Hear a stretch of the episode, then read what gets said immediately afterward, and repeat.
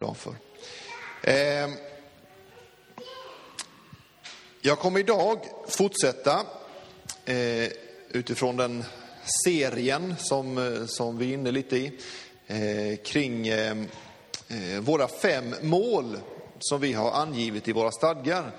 Som vi ju samtalade mycket om och ja, men lite definiera vilka är vi, vad är det vi håller på med, vad är det vi ska ägna oss åt.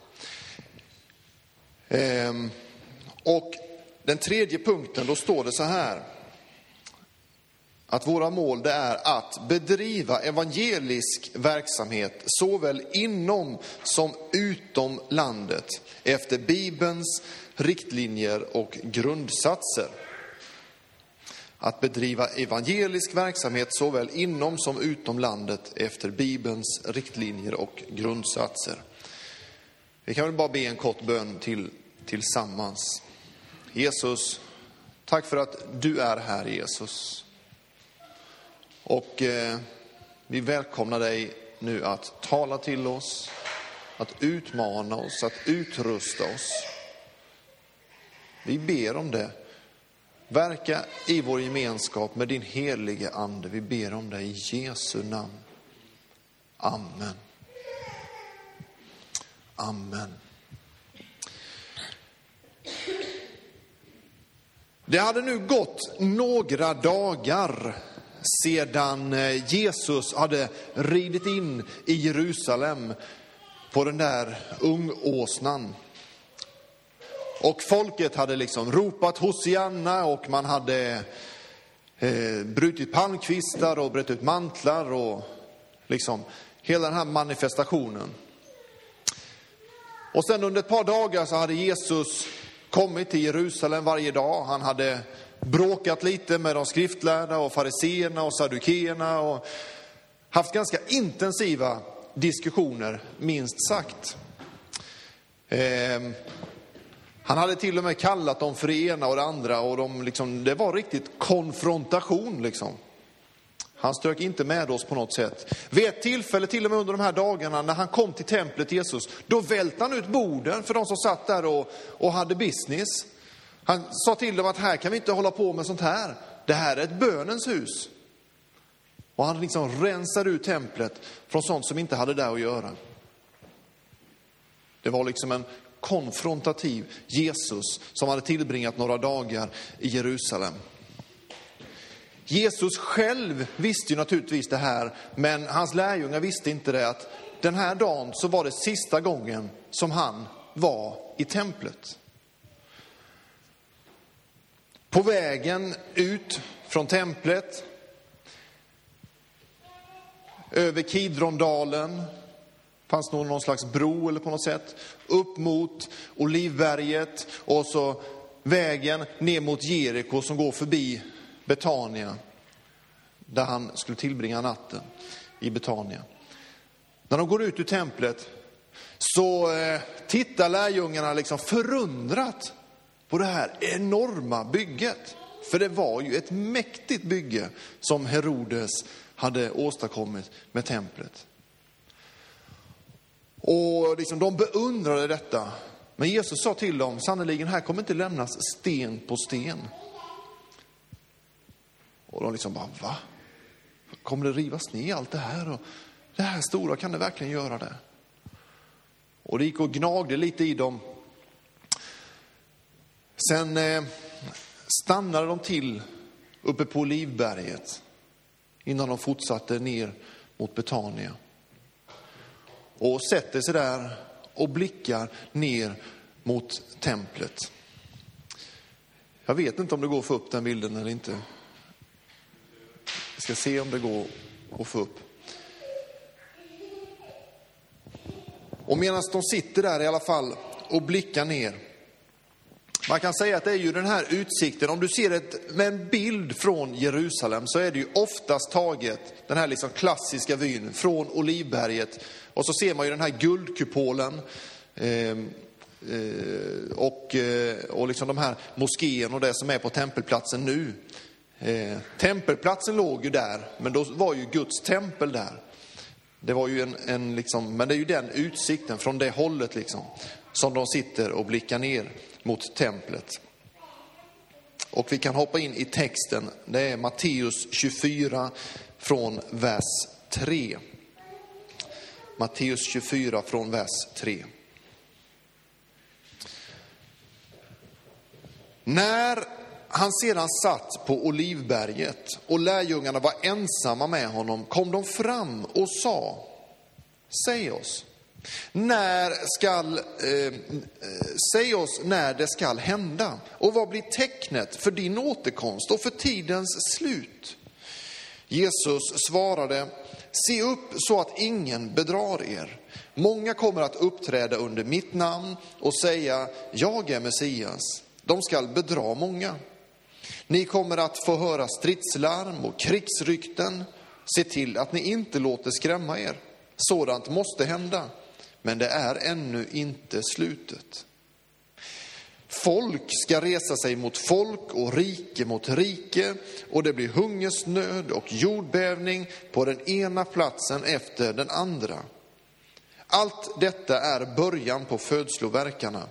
Då ska man utlämna er till att plågas och dödas och alla folk ska hata er för mitt namns skull. Då ska många komma på fall och ange varandra och hata varandra. Många falska profeter ska framträda och bedra många. Genom att laglösheten tilltar kommer kärleken att kallna hos de flesta. Men den som håller ut till slutet skall bli räddad. Och budskapet om rikes, det ska förkunnas i hela världen och bli till ett vittnesbörd för alla folk. Sedan ska slutet komma. Ungefär den utsikten som ni ser på bilden nu var det som eh, Jesus och lärjungarna hade när de hade det här samtalet. Förmodligen så var det ju på eftermiddagen någon gång och solen stod säkert lågt. Och det var säkert en sån där skön eftermiddag i Jerusalem. Vi ska bedriva evangelisk verksamhet. Jesus han sa att budskapet om riket ska förkunnas i hela världen till ett vittnesbörd för alla folk. Sen ska slutet komma. Vårt uppdrag, det är mission. Det är alltså att berätta om riket, berätta om vem Jesus är, vad han har gjort, att han har upprättat varenda människa genom att dö på korset. Så att var och en som tar emot honom blir räddad. Men inte bara det, utan han, hela skapelsen är egentligen upprättad genom Kristus. Det är Guds rike som vi ska predika. Det ska vi göra här, där vi bor. Vi ska göra det ut över vårt land och ut över hela vår värld. Det är vårt uppdrag. Det ligger i den kristna kyrkans DNA. Det ligger liksom nedlagt i oss. Slutar vi med det, då dör vi.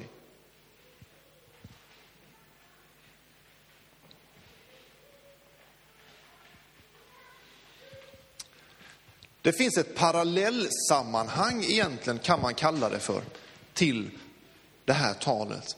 Och det är när Jesus har uppstått. Och så har han visat sig för sina lärjungar och för många olika, vid många olika tillfällen under 40 dagar. Och nu har de återigen samlats uppe på Olivberget Förtäljer inte historien om det var exakt samma plats, men någonstans uppe på Olivberget med ungefär samma utsikt.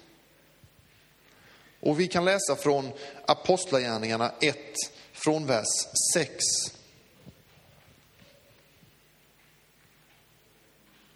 De befinner sig alltså på ungefär samma ställe. De som hade samlats frågade honom, Herre, är tiden nu inne då du ska återupprätta Israel som kungarike? Känner ni igen det? Det är samma fråga egentligen, va? fast lite det. När ska det hända? Nu frågar de, är det nu det ska hända? De lever liksom i det här yttersta hela tiden. När kommer du med riket. När är det liksom? Han svarade från vers 7. Det är inte er sak att veta vilka tider och stunder Fadern i sin makt har fastställt. Men ni ska få kraft när den helige ande kommer över er och ni ska vittna om mig i Jerusalem, i hela Judeen, i Samarien och till jordens yttersta gräns. Känner ni igen det? Frågan är där igen. Svaret är ungefär detsamma. Alltså, ni ska predika över hela världen. Ni ska förkunna riket över hela världen.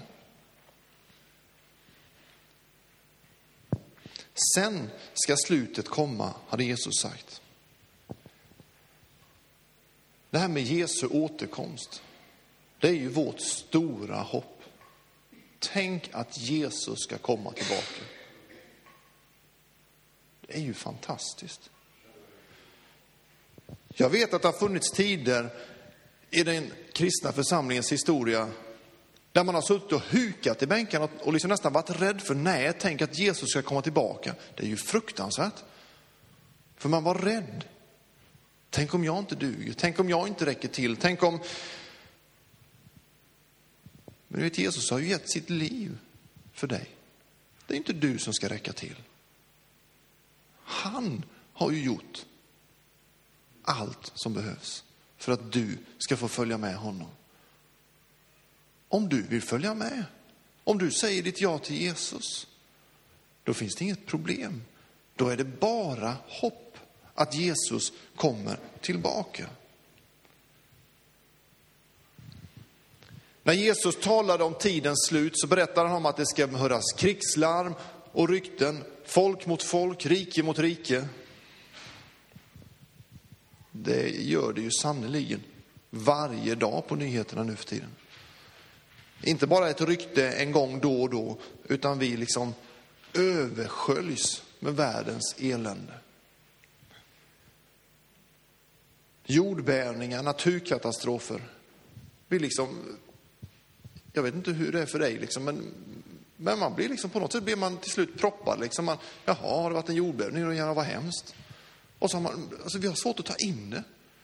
För det är så mycket hela tiden. Och Jesus till och med varnar för det här att när ondskan sprider ut sig så, så kommer kärleken svalna hos de flesta. Det är den stora varningen till oss. Att vi inte älskar längre. Att vi inte berörs längre utav det som händer i vår omgivning.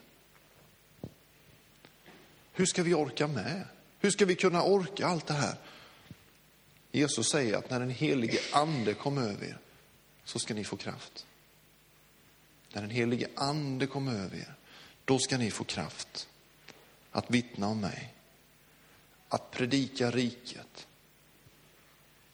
Som alltså inte bara är ord, utan också handling.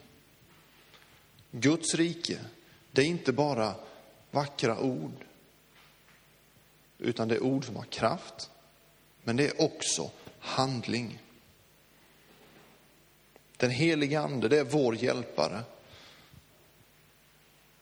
Andens dop, det är ju inte för att jag ska få ha en skön känsla och känna liksom, ja, nu har jag klarat av det också liksom.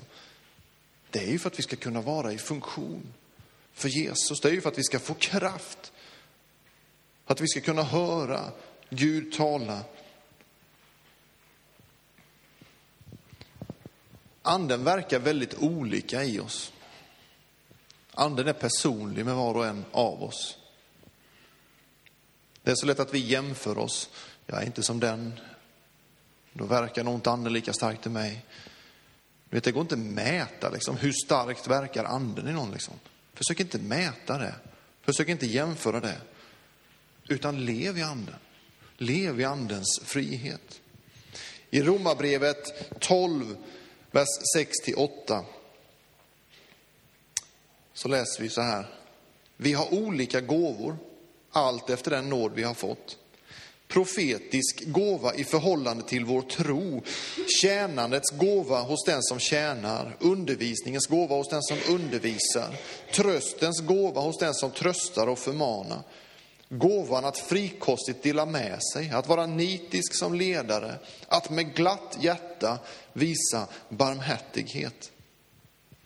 Alltså det spänner över stora områden. Jag tror inte ens att Paulus täcker in allting heller. Jag tror att vi liksom lite ibland, om vi tänker att ja, det här är det som stod i Bibeln, det är det som, då är det liksom bara det. Dong, dong, dong, och så kan vi kategorisera det och så kan man sätta in sig själv och där är jag liksom. Jag tror att anden är lite större än så. Det är bra exempel, det ger oss bra vägledning. Men lev i anden. Låt anden verka i dig, genom dig, där du går fram. Och predika riket. Genom ord och handling.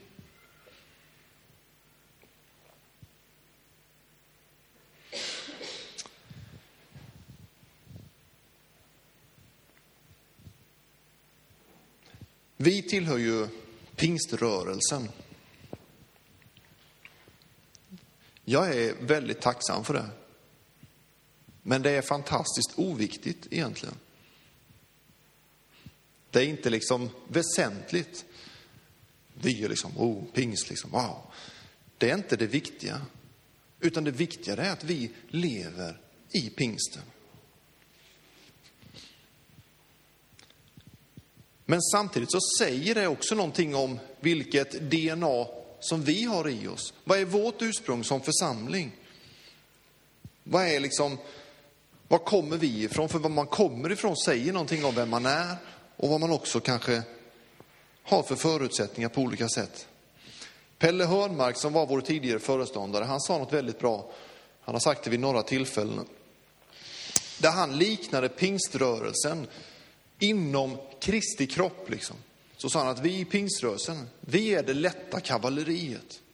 Vi har ingen lång historia att stoltsera med.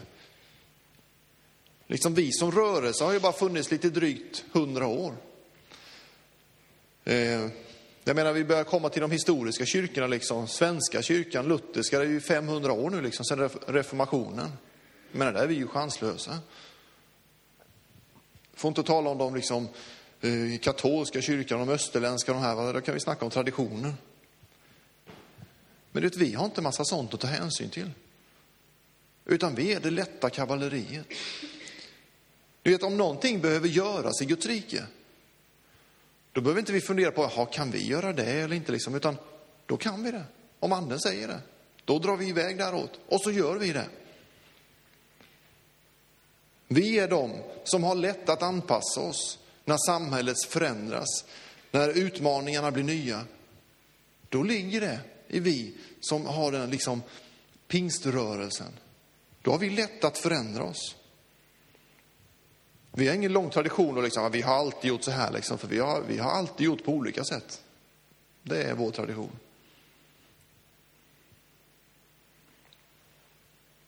Och det kan ju ibland bli lite nervöst och tänka, hjälp, liksom, aha, det hade varit skönt att ha något att luta sig lite mot. Liksom.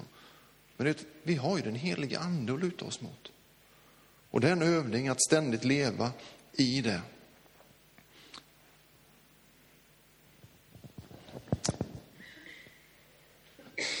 Riket, det måste förkunnas, både i ord och handling.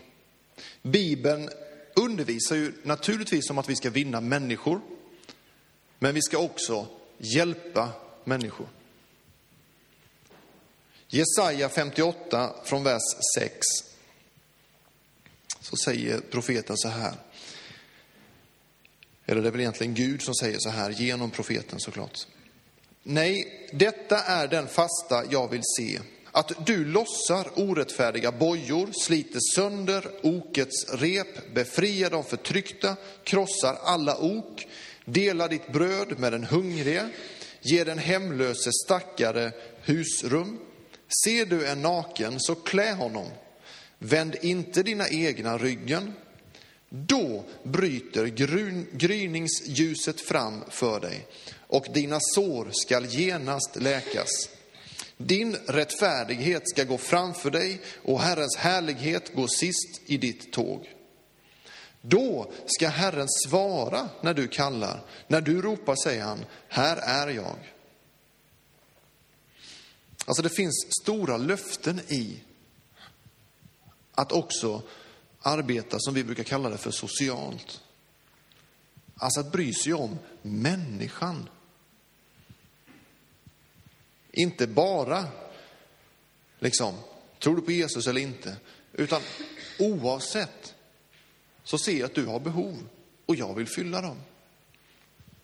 Jakob, han uttrycker det så här i sitt brev från det andra kapitlet och fjortonde versen. Mina bröder, vad hjälper det någon om han säger sig ha tro men inte ha gärningar? Inte kan väl tron rädda honom? Om en broder eller syster är utan kläder och saknar mat för dagen, vad hjälper det då om någon av er säger, gå i frid, håll er varma, ät er mätta, men inte ger dem vad kroppen behöver? Så är det också med tron. I sig själv, utan gärningar, är den död.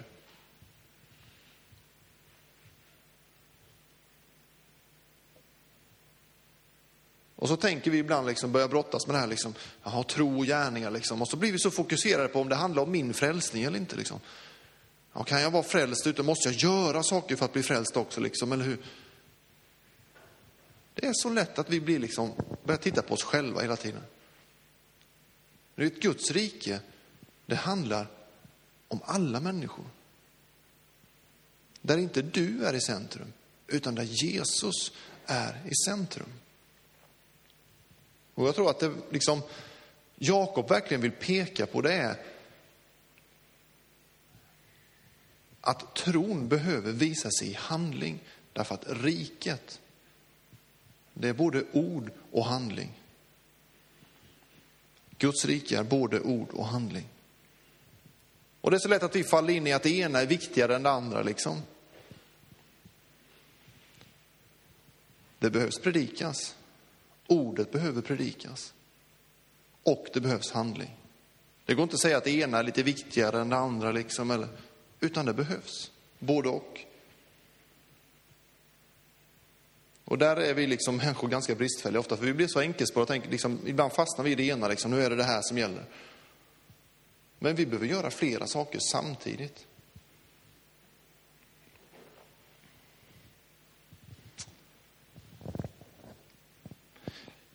Jesus ska komma tillbaka.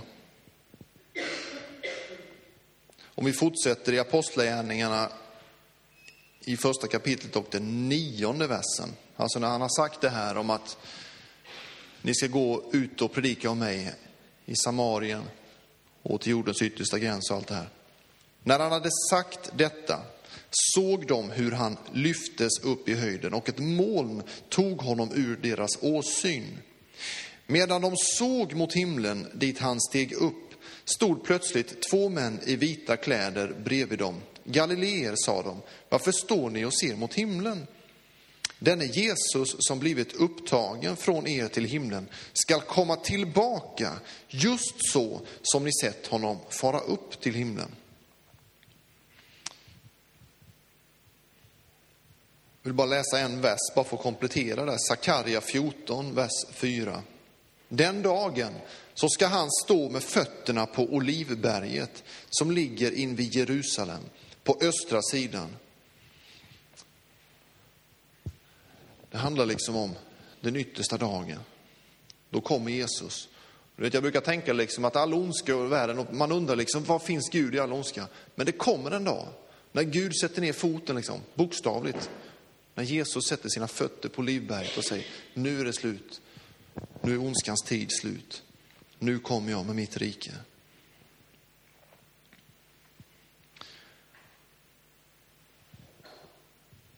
I Matteus så läste vi ju att budskapet om rikes, riket ska förkunnas i hela världen och bli ett vittnesbörd för alla folk. Sen ska slutet komma. Alltså ni vet när vi är med och missionerar, då är vi med i ett profetiskt skeende som handlar om Jesu återkomst. Alltså när budskapet har predikats för alla människor, då kommer Jesus tillbaka. Det är så han säger. Och vi vet att vi lever i en tid där riket sprids fortare än någonsin över vår värld. Vi vet att det fortfarande finns många onådda folk. Men vi lever i en spännande tid. Det kan gå fort nu. Och det är ju fantastiskt.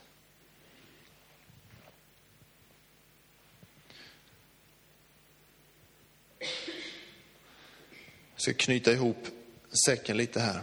Om vi håller oss igen i Apostlagärningarna, det första kapitlet,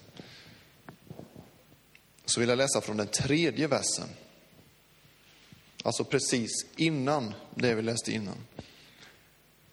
Han framträdde för dem och efter att ha lidit döden och gav dem många bevis på att han levde då han under 40 dagar visade sig för dem och talade om Guds rike och under en måltid tillsammans med dem sade han åt dem att inte lämna Jerusalem utan vänta på det som Fadern hade utlovat.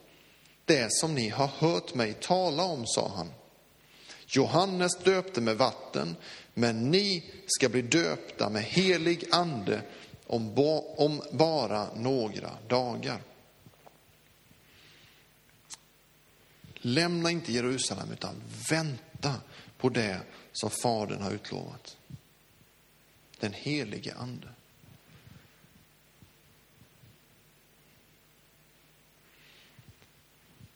I allt det här som vi står i som församling så behöver vi anden. Och vi behöver ge utrymme för anden. Vi måste våga lita på anden. Tillsammans så hör vi andens röst.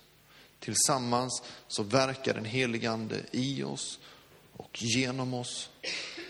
Och vi ska få vara med i ett profetiskt skeende att förkunna riket för alla folk. Och jag tror att det är någonting liksom vi behöver ta ett nytt steg i också. Att bli ännu mer liksom, utåt på olika sätt, på många olika sätt. Så när den helige Ande utmanar dig, kanske med en plats, kanske om en person, kanske om ett sammanhang, vad det nu kan vara, så våga gå. Därför att anden vill att vi ska sträcka oss utåt. Jesus, tack för att du gav ditt liv för oss, Jesus. Tack för försoningsverket, Jesus. Jesus, tack att du visade dig för så många att du hade uppstått, Jesus. Och tack Jesus att du har visat dig för oss. Att vi kan få vara förvissade om i vårt inre att du lever, Jesus. Tack för din heliga Ande som verkar i oss och genom oss. Vi ber Jesus att du skulle än en gång uppfylla oss med din heliga Ande. Att det skulle få bli lite mindre av oss själva och mer av dig. Ber om det i Jesu namn. Amen.